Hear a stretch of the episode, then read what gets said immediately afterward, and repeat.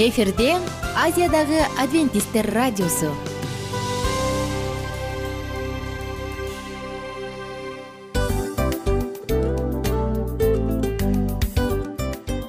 Достор салют.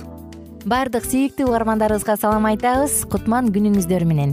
Ден соолук өмүрдүн булагы демекчи саламат саамы программасында баарыңыздарды көргөнүбүзгө абдан кубанычтабыз. Анда алгач амандашып өтөлү арбаңыздар деп. Ден соолугуңуздар кандай элибизде көбүнчө ден соолук кандай дегенде эле жакшы деп жооп беребиз э ооруп турсак дагы жакшы дейбиз. Анан мен муну айтып ойлойт элем бул абдан сонун сөз депчи анткени бул жакшы деген үмүт да э ооба баары жакшы болот. Баары сонун. Деп үмүттөнүп атып эле өзүбүздү өзүбүз дарылап коебуз. Анысы кандай? Сиздин дагы ден соолугуңуз жакшы беш деген үмүттөбүз чындыгында ден соолук бул өмүрдүн булагы деп бекеринен айтылган эмес деп ойлойм. Кыргыз элинде анткени эгерде ден соолук жок болсо анда адамдын жашоосунда калган баардык керектүү маңыздуу нерселер өзүнүн баалуулугун жоготуп коет. Ошондуктан ден соолук бул эң керектүү нерсе. Ооба туура айтасың кесиптешим чынында ден соолугуң жок бир эки үч күн ооруп калсаң эле кандай болуп калат? Жашоодо көз каранды болуп каласың көп нерсеге жетишпей каласың көп нерсени кыла албай каласың жада калса эшикке дүкөнгө да чыга албай каласың. Туптуура анан ден соолук болсо демек биз биздин бактыбыз тотой деп койсок болот. Анда достор саламат саамы рубрикабызды баштайлы. Алдыда өзүңүзгө керектүү болгон сонун кеңештерди уга аласыздар. Мына ошондуктан биз менен бирге болуңуздар. Ал эми биз болсо милан жана айнура. Кеттик алга. Алга саламат саама ден соолуктун жарчысы. Саламат саама ден соолуктун ачкычы. Күн сайын сиз үчүн мыкты кеңештер сонун жаңылыктар кызыктуу фактылар биздин рубрикада.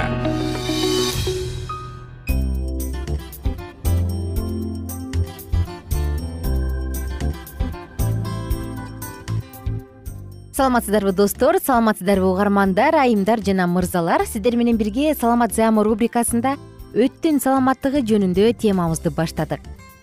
Өт дегенде эле ар бирибиз өзүбүздүн өтүбүздү билет болушубуз керек э. Өтүңдү алам деп урушкандан бала чактагы уккан сөздөрүбүздөн баштап өт ооруп жакындарыбыздын өтүн алып салган операцияга чейин эстетип болуш керек. Ооба достор эгерде сиз дагы бул нерсени эстеген болсоңуз мен дагы эстеп отурам анткени менин жашоомдо дагы жакын адамдардын өтүн алып операция кылгандар болгон. Өт деги эле эмне кызмат аткарат? Келиңиздер сөз кылалы өт бул сары күрөң же жашыл түстөгү даама ачуу жыты бар орган. Ал тамак сиңирүү менен байланышкан ар түрдүү кызматтарды аткарат. Тамактын карындан ичегилерине өтүүсүн камсыз кылат. Тамактын сиңиши үчүн зарыл болгон пепсин затынын иштешин жөндөйт. Өт кислоталары болсо ички ичегинин иштешин активдештирет. Холецистоканинин жана секретин гормондорунун иштешин жөнгө салат жана бактериялардын пайда болушун алдын алат. Ошондой эле белоктордун сиңиши үчүн маанилүү болгон ферменттерди активдештирет. Андан сырткары өт бөлүп чыгаруу кызматын да аткарат. Холестерин билирубин сыяктуу заттарды бөйрөк тазалай албайт. Алар организмден өттүн жардамы менен бөлүнүп чыгарат. Организмдеги холестериндин жетимиш пайызы өттүн жардамы менен заң аркылуу бөлүнүп чыгаарын адистер айтып келишет. Өттүн кандай оорулары бар өттү кантип сакташ керек? Өттүн өттө таштын пайда болуусу эң эле кеңири жаралган таралган.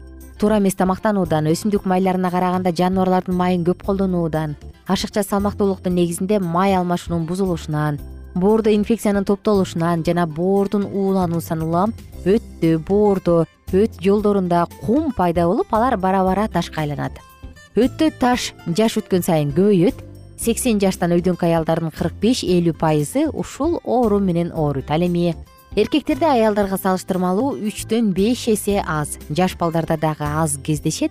Өттө таштын бар экендиги билинбей жүрүп таш чоңойгондо же көбөйгөндө алгачкы белгилери билинет.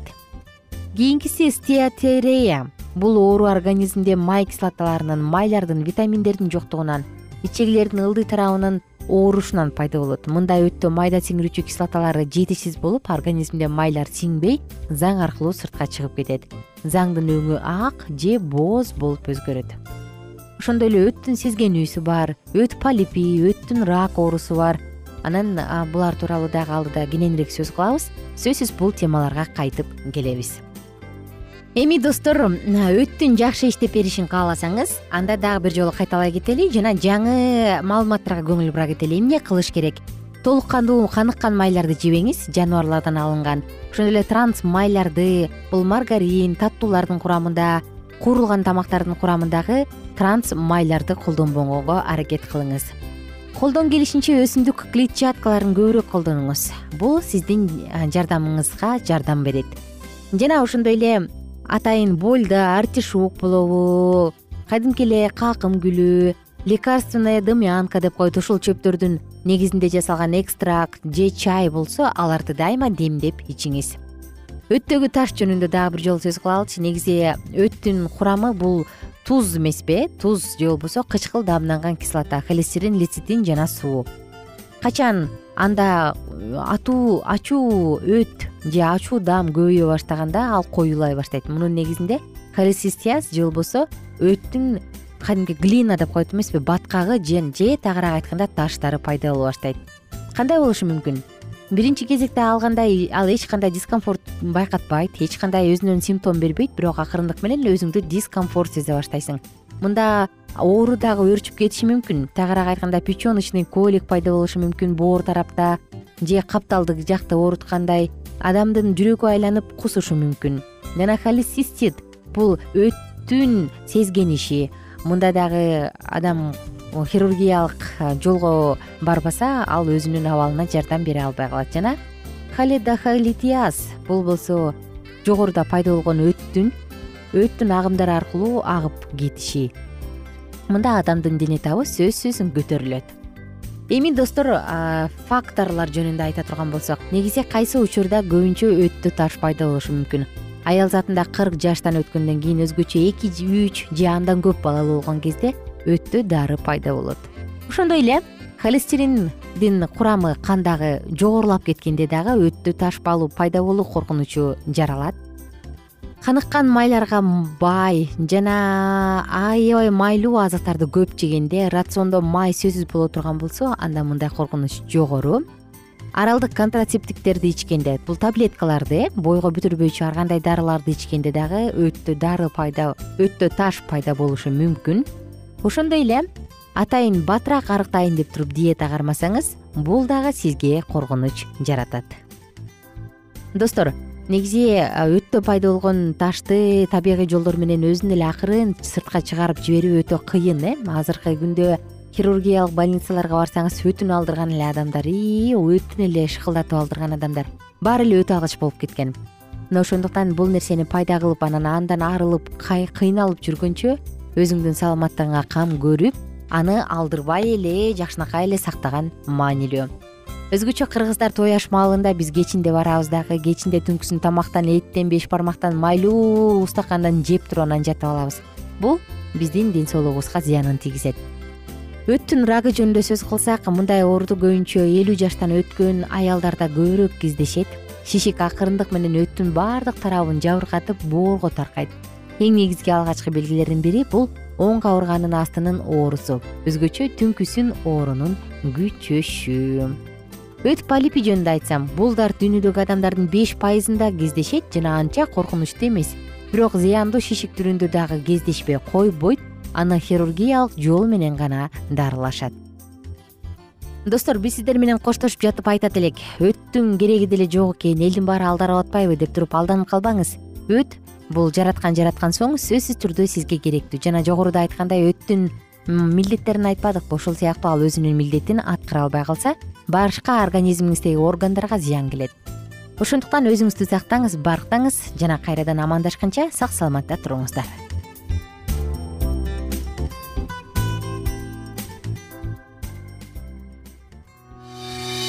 саламат саама ден соолуктун жарчысы. Саламат саама ден соолуктун ачкычы. Күн сайын сиз үчүн мыкты кеңештер сонун жаңылыктар кызыктуу фактылар биздин рубрикада. Салют замандаштар баарыңыздарга ысык салам. Дил маек программабызга кош келиңиздер. Дил маек рубрикасы дегенде эле бул эмне болгон дил маек ким менен маектешебиз? деп сурайт болуш керек угармандарыбыз бул рубриканы кыскача тааныштыра кете турган болсок ар тарап кесип ээлеринен болгон сонун интервью кеңештер бар. Ооба. Жылдыздар менен болгон маек бар. Аталарыбыздын агаларыбыздын чоң аталарыбыздан сонун кеңештер бар. Ошондой эле эже сиңдилердин кеңештери бар. Айтор баардык кызыктардын баары алдыда. Негизи эле адам баласы бир кимдир бирөөнө ишенип сырын ачкысы келет эмеспи э мындай баарлашууга жакын келебиз го. Албетте. Негизи бир жерге отуруп алып кенен шашпай баягы жүрөктөн жүрөккө ачып сырларыбызды ар кандай көйгөйлөрүбүз менен бөлүшүп баягы чын жүрөктөн маек курганды кимибиз сүйбөйбүз э? Ооба десең ал нерсеге суусап да келебиз да. Ооба кээ бирде адамга чындыгында баягы э, ысык маек баягы жылуу маек жетишпейт да. Ошондуктан биз ушул рубриканы ойлоп тапканыбызда эң биринчи эле достор сиздер менен чын жүрөктөн бир маңыздуу темаларды козгоп кеткени э, кааладык. Ошондуктан ушундай сонун бир рубриканы тартуулап жатабыз. Анын үстүнө радио дагы сонун дос да анткени э, мындай учурда досуңа айтсаң досуң досуна айтат досу досуна айтат да анан бүт өлкө билип калышы мүмкүн го. А радио болсо сени сатпаган сенин айыбыңды ачпаган сенин сырыңды эч кимге айтпаган сонун дос ошондуктан биздин алдыдагы айта турган кеңештерибизди биздин досторубуздун кеңештерин угуп анан ал жака пикириңизди дагы калтырып кайрадан биз менен байланышсаңыздар болот. Деги эле жашооңузга эгерде кичине болсо дагы өзгөрүү алып моралдык жактан нравовик жактан сонун бир кеңештерди алсаңыз демек биз максатыбызга жеттик. Ооба. Чыңгыз атабыз улуу жазуучу э, чыңгыз айтматов айткандай адам болуу бул күнүмдүк процесс экен. Күн сайын адам бойдон калуу бул адамзатка эң эле кыйын дейт э? э эң кыйын дейт. Чындыгында бунун э, негизинде адамдын эң баягы сапаттуулугу адамдын э, адамгерчилиги жана көптөгөн керектүү нерселер. Мына ошол темалар дагы бизде ушул дил маекте биз аларды да козгойбуз. Ден соолук жөнүндө да сүйлөшөбүз. Сөзсүз түрдө анан милан мырза негизи айтып коюшат го. Биз көбүнчө эмнени ойлонсок ошол нерсеге карата иш кылабыз го. Ооба. Анан анысы кандай? Балким бул радио баракчада кимдир бирөөнүн оюн текшергенге жардам берет кимдир бирөөнүн жүрөгүн текшергенге жардам берет. Балким кимдир бирөөгө жашоонун маңызын тапканга жардам берет айтор кызыктын баары алдыда бул жөн гана кыскача жарнама анда угармандарыбыздын баардыгын кийинки рубрикабызга чакырабыз. Ал эми кызматта маңдайымда отурган кесиптешим милан жана мен айнура. Анда эмесе биз даярдаган терең терең ойлор менен таанышууга кеттик. Алыс алыс баралык. Анда эмесе достор биз менен бирге болуңуздар. Алдыда эң кызыктуу маалыматтардын баардыгы бир нече мүнөттөр бою жалгыз гана сизге арналат. Мына ошондуктан жакшы маанай менен угууну каалайбыз. Үн алышканча. Жөнөдүк. Ар түрдүү ардактуу кесип ээлеринен алтын сөздөр жүрөк ачышкан сыр чачышкан сонун маек дил маек рубрикасында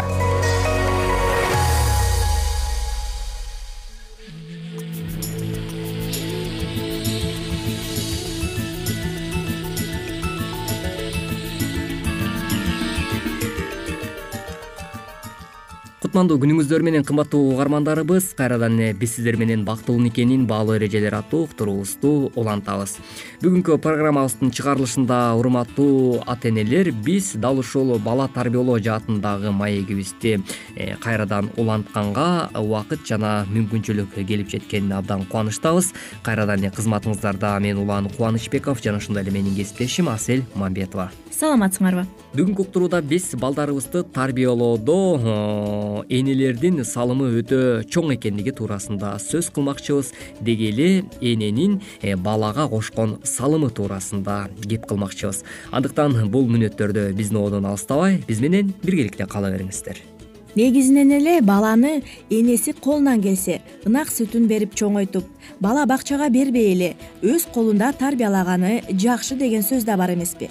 Мисалы чоң күчтүү инсандардын апалары үй кожойкелер болгон экен. Андыктан мен баламды бала бакчага бере албай калдым деп кайгырбагыла балким сиз дагы бир күчтүү дүйнөгө атагы чыккан инсанды тарбиялап жатасыз албетте чындап эле кээ бир учурда баягы жашоо шартка байланыштуу дагы болуп калышы мүмкүн. Мисалы э, беш бала болсо бешөөнү тең бирдей э, баягы бала бакчага берүү дагы азыркы мисалы социалдык абал жактан дагы мүмкүнчүлүгү болбогондуктан айрым ата энелер бере албай калышат эмеспи ошол учурда мүмкүн бала менен отуруп калган энелер кээде кайгырышы мүмкүн да. Мен эми баламды бала бакчага бере албай калдым кантип тарбия берем? деп дагы э, мындай башын катырышы мүмкүн. Бирок биз айткыбыз келет. Ардактуу энелер эч убакта кайгырбаңыз. Балким сиз келечектеги балким бир э, чоң инсанды депутатты дейбизби же президентти дейбизби же балким э, окумуштуу. э, жакшы бир инсанды тарбиялап чыгаарсыз бирок бул жерде дагы биздин оюбузга кошулбаган дагы кайчы пикир жараткан угармандарыбыз дагы болуп калышы мүмкүн кесиптеш себеп дегенде эмне үчүн бала бакчага бербеш керек аракет кылыш керек да деген дагы ой болушу мүмкүн. Бирок бул башка маселе биз бүгүн болгону ушул үйдө отуруп балдарын тарбиялап жаткан энелерге көбүрөөк мындай жакшы кеңешибиз менен бөлүшкүбүз келет да. Андыктан урматтуу угармандар биздин одон эч кайда алыстап которулуп кетпей биз менен биргеликте боло бериңиз. Ал эми биз буга мисал кошо кетсек болот экен. Мисалы америкада ушунчалык бир сонун окуя болгон экен. Кесиптеш ушул туурасында сен айтып берсең бул э, окуяны айтаардан мурун мен чын эле ушул энелерге кайрылат элем да. Мисалы э, удаа удаа төрөлүп калган да балдар бар. Э, бир жаштан ортосу эки жаштан анан баягы жаш эне дайыма үйдө отуруп коенго окшош күндөр деп коет эмеспи? Ошондой күндөрдү башынан өткөрүп балдарымды же садикке бере албайм же өзүмдү карай албайм. Алар же оорушат же ушундай бир аябай чөгүп кеткен моменттер болот чындыгында бул оор бирок мен айтат элем ушул энелерге. Өзүңүзгө бир жарым саат күнүгө убакыт бөлүп өзүңүздү баалуу сезип өзүңүздү мындай чөктүрбөгөнгө аракет кылышыңыз керек. Мисалы жөн гана кофе жасап алып э, э терезени карап э, ушундай асманды карап тоолорду карап суктанып ушу бир жарым саат жөн эле бир тынч убакыт алсаңыз дагы бул силерге мен мен мисалы ушундай кылам да кээде мен ушунчалык чарчап кеткенде өзүм жалгыз болгум келет. Мен түшүнөм кичинекей балдар бар бирок силердин жолдошуңар да бар да. Жолдошуңарга дагы мынтип айтсаңыз болот да жарым саат мени мындай балдарды алып эшикке алып чыгып ойнотуп келчи мен жарым саат бир эс алайын өзүм менен өзүм болгум келип жатат десеңиз деле силердин жолдошуңар мен ойлойм түшүнөт силерди депчи. Анан ушундай нерселерди дагы кылсак болот да дайыма эле э, коенго окшош күндөрдү өткөрө бербестен өзүңүзгө дагы көңүл бөлүп силер баалуусуңар силер чоң нерсени кылып жатасыңар деп дагы дайыма өзүңөрдү жигерлесеңер э, чын эле бул күчтүү энелер ушундай болот да сөзсүз түрдө андыктан биздин э, ушундай болгон апакелерибиз ар дайым бар болсун деген тилегибизди айтуу менен биргеликте жогорудагы кесиптешим ушул америка өлкөсүндө бир окуя болгон экен. Ушунчалык бул таасирдүү жана бүгүнкү күндө тарыхта калган инсан десек да болот. Ушул туурасында айтып өтсөң. Чын эле силер уксаңар болот. Э, бул томас эдисон тууралуу сөз болот азыр. Э, бул атактуу америкалык ойлоп табуучу жана ишкер инженер болгон экен. Эң негизгиси эдисон электр лампочканы ойлоп тапкан экен. Бүгүнкү күндө биз колдонуп жаткан кадимки эле лампаны башкача айтканда кыргызча айтканда шам чыракты ойлоп тапкан томас эдисондун жашоосуна дагы кайрылсак. Э, биздин жашообузда деги эле сөз бул өлтүрөт же тескерисинче тирилтет деп коет эмеспизби? Сөздүн күчү аябагандай зор экен да. Бирок тилекке каршы биз сөзгө көп деле маани бурбайбыз туурабы ооба чындап эле кээде биз сөзгө дагы маани бурбай калышыбыз мүмкүн. Бирок э, биздин эзелки ата бабаларыбыз сөзгө өтө маани берген десек жаңылбайбыз туура. Бүгүнкү күндө дүйнөгө атагы чыккан ойлоп табуучу томас эдисон кичинекей кезинен мектепке эч кандай үмүт берген эмес экен. Ал мектепке бара баштаганда эң жаман окуучу катары кабыл алынган экен. Ал эми аны окуткан мугалими болсо бул баланын акыл эси кем жана биздин мектепке окуганга акысы жок деп эдисондун апасына кат жазып жибериптир апасы акылмандуулук менен иш кылган экен аябай баа бердим апасына чын эле. Ал катты баласына төмөнгүчө окуп берген экен. Сиздин балаңыз гений экен жана биздин мектепте сиздин балаңызды окутканга э, мугалим жок экен. Ошон үчүн сиздин балаңыз үйдө окуш керек деп жазыптыр. Бул чынында эле акылдуу эне э, сиздин балаңыз акыл эси кем дегенди уккан эне чын эле өзүн өзүн кармап тескерисинче силердин балаңар гений экен деп баласына үмүт берип өз баласын өз үйүндө окутуптур да мына ошентип э, томас э, эдисондун апасы акылмандуулук менен ушундай баласына туура мотивация бергендиктен бүгүнкү күндө ушундай э, дүйнөгө атагы чыккан чыныгы инженер жана окумуштуу болуп таанылганына демек апасынын салымы абдан чоң экен деген тыянакка келсек жаңылбайбыз. Сиз абдан эле күчтүү асыл затсыз деп биз айтып кетебиз. Анткени бала тарбиялоо бул оңой иш эмес. Ооба достор ушу менен биздин бизге берилген убакыт соңуна келип чыкты. Андыктан э, угушканча. Урматтуу угармандар кайрадан эле биз сиздер менен э, эмки ободон үн алышканча аман туруңуз. Ар түрдүү ардактуу кесип ээлеринен алтын сөздөр жүрөк ачышкан сыр чачышкан сонун маек. Дил маек рубрикасында жан дүйнөңдү байыткан жүрөгүңдү азыктанткан жашооңо маңыз тартуулаган жан азык рубрикасы.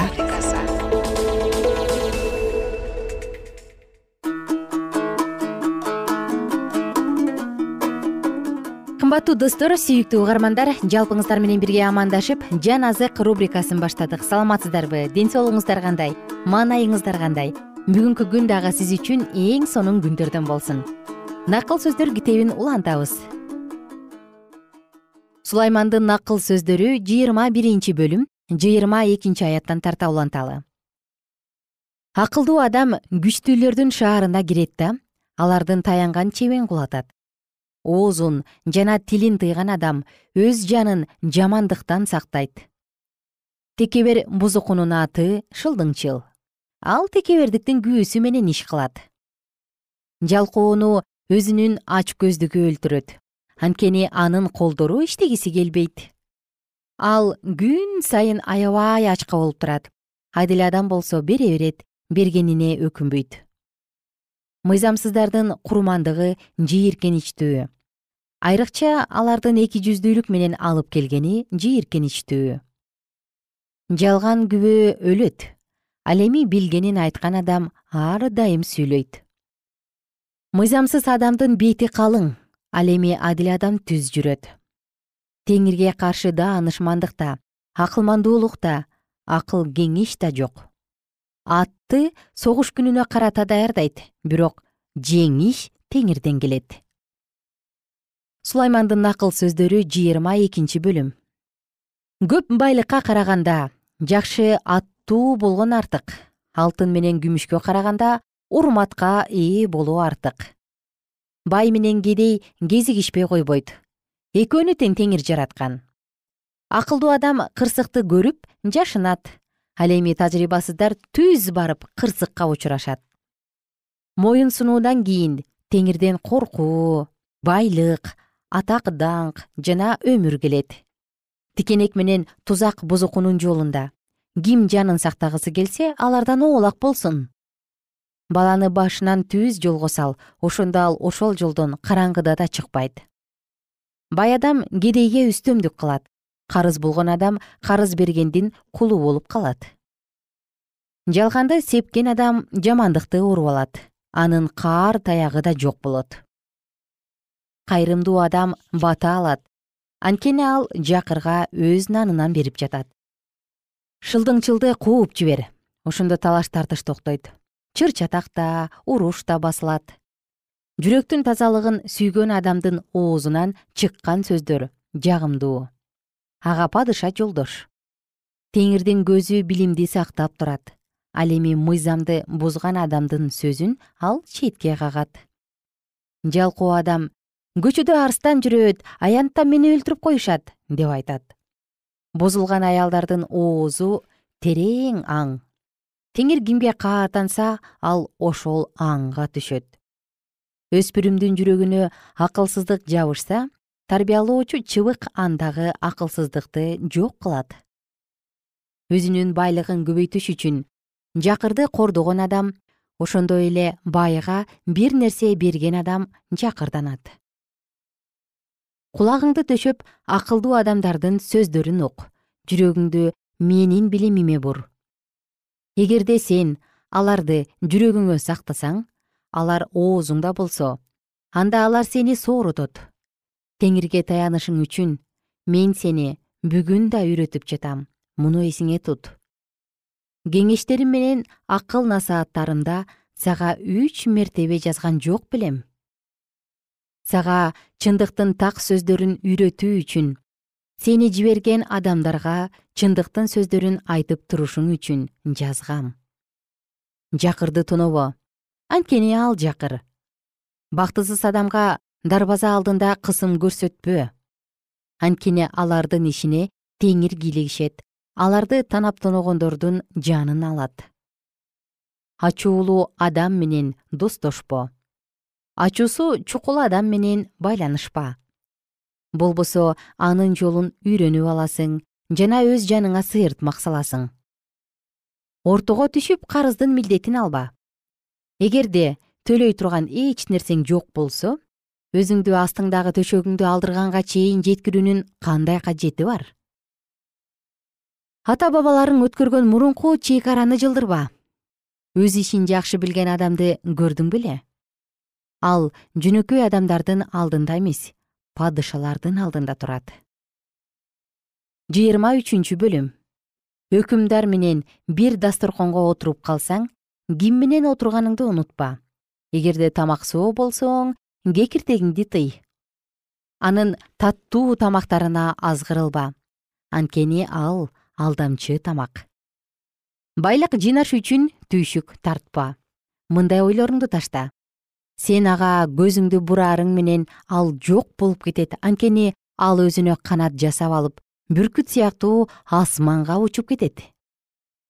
Сараң кишинин колунан тамак жебе анын таттуу тамактарына азгырылба.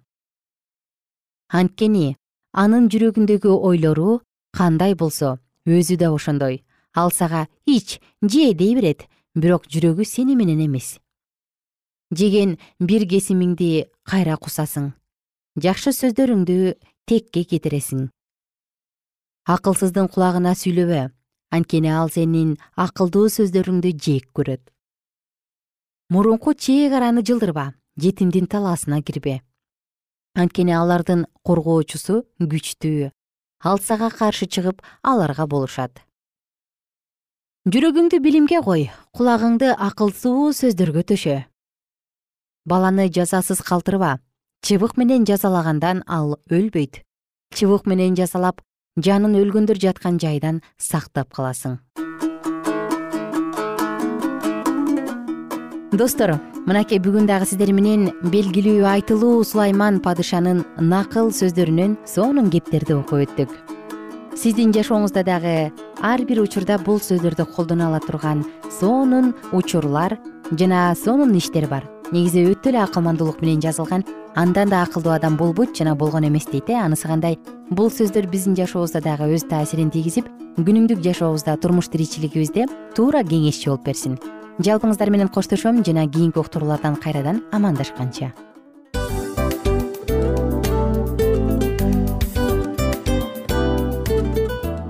достор биздин радио баракчаларыбыз соңуна келди. Демек бул программабызды дагы жыйынтыктачу учур келдик. Учурга келдик. Анан кесиптешимден сурагым келип турат. Негизи эле иштин башталып атканы кубандырабы сени же жыйынтыгы кубандырабы албетте жыйынтыгы. Себеп дегенде сен кылган ишиңдин жыйынтыгын көрүп э, баягы мөмөсүн көрүп дегендей жыргайсың жүрөгүң жемишинен татып э кандай даамдуу деп. Баягы буудай сепкенде эмес буудай эгинди жыйнагандан кийин ысык нанды жегенде кадимкидей ырахаттанасың го. Ой айтпа туура айта кеттиңиз. Сонун салыштыруу болду анан мен дагы абдан кубанып турам. Анткени биз угармандарыбыз үчүн аябай эмгектенип келген уктуруубуздун соңуна келип калдык анан эми э, уктуруубуздун соңунда угармандар кандай пайда алып калды экен деп күтүп турам да балким э, менин жашоомо өзгөрүү киргизе турган сонун сөздөр болду. Мен ушул нерсени изилдеп анан кабыл албасам ушул нерсени кылбасам деген чечим чыгарсаңыз анда биз абдан кубанычтабыз. Сөзсүз түрдө. Андыктан кийинки биздин кызыктуу уктурууларыбыздан көрүшкөнчө сак саламатта калыңыздар. Чыдамсыздык менен сиздерди мен милан жана кесиптешим айнура күтөбүз баардык угармандарыбызга ийгиликтүү күн каалайбыз. Качан гана болбосун уртуңуздан жылмаюу кетпесин үйүңүздө көмүр жүрөгүңүздө көңүл болсун дейли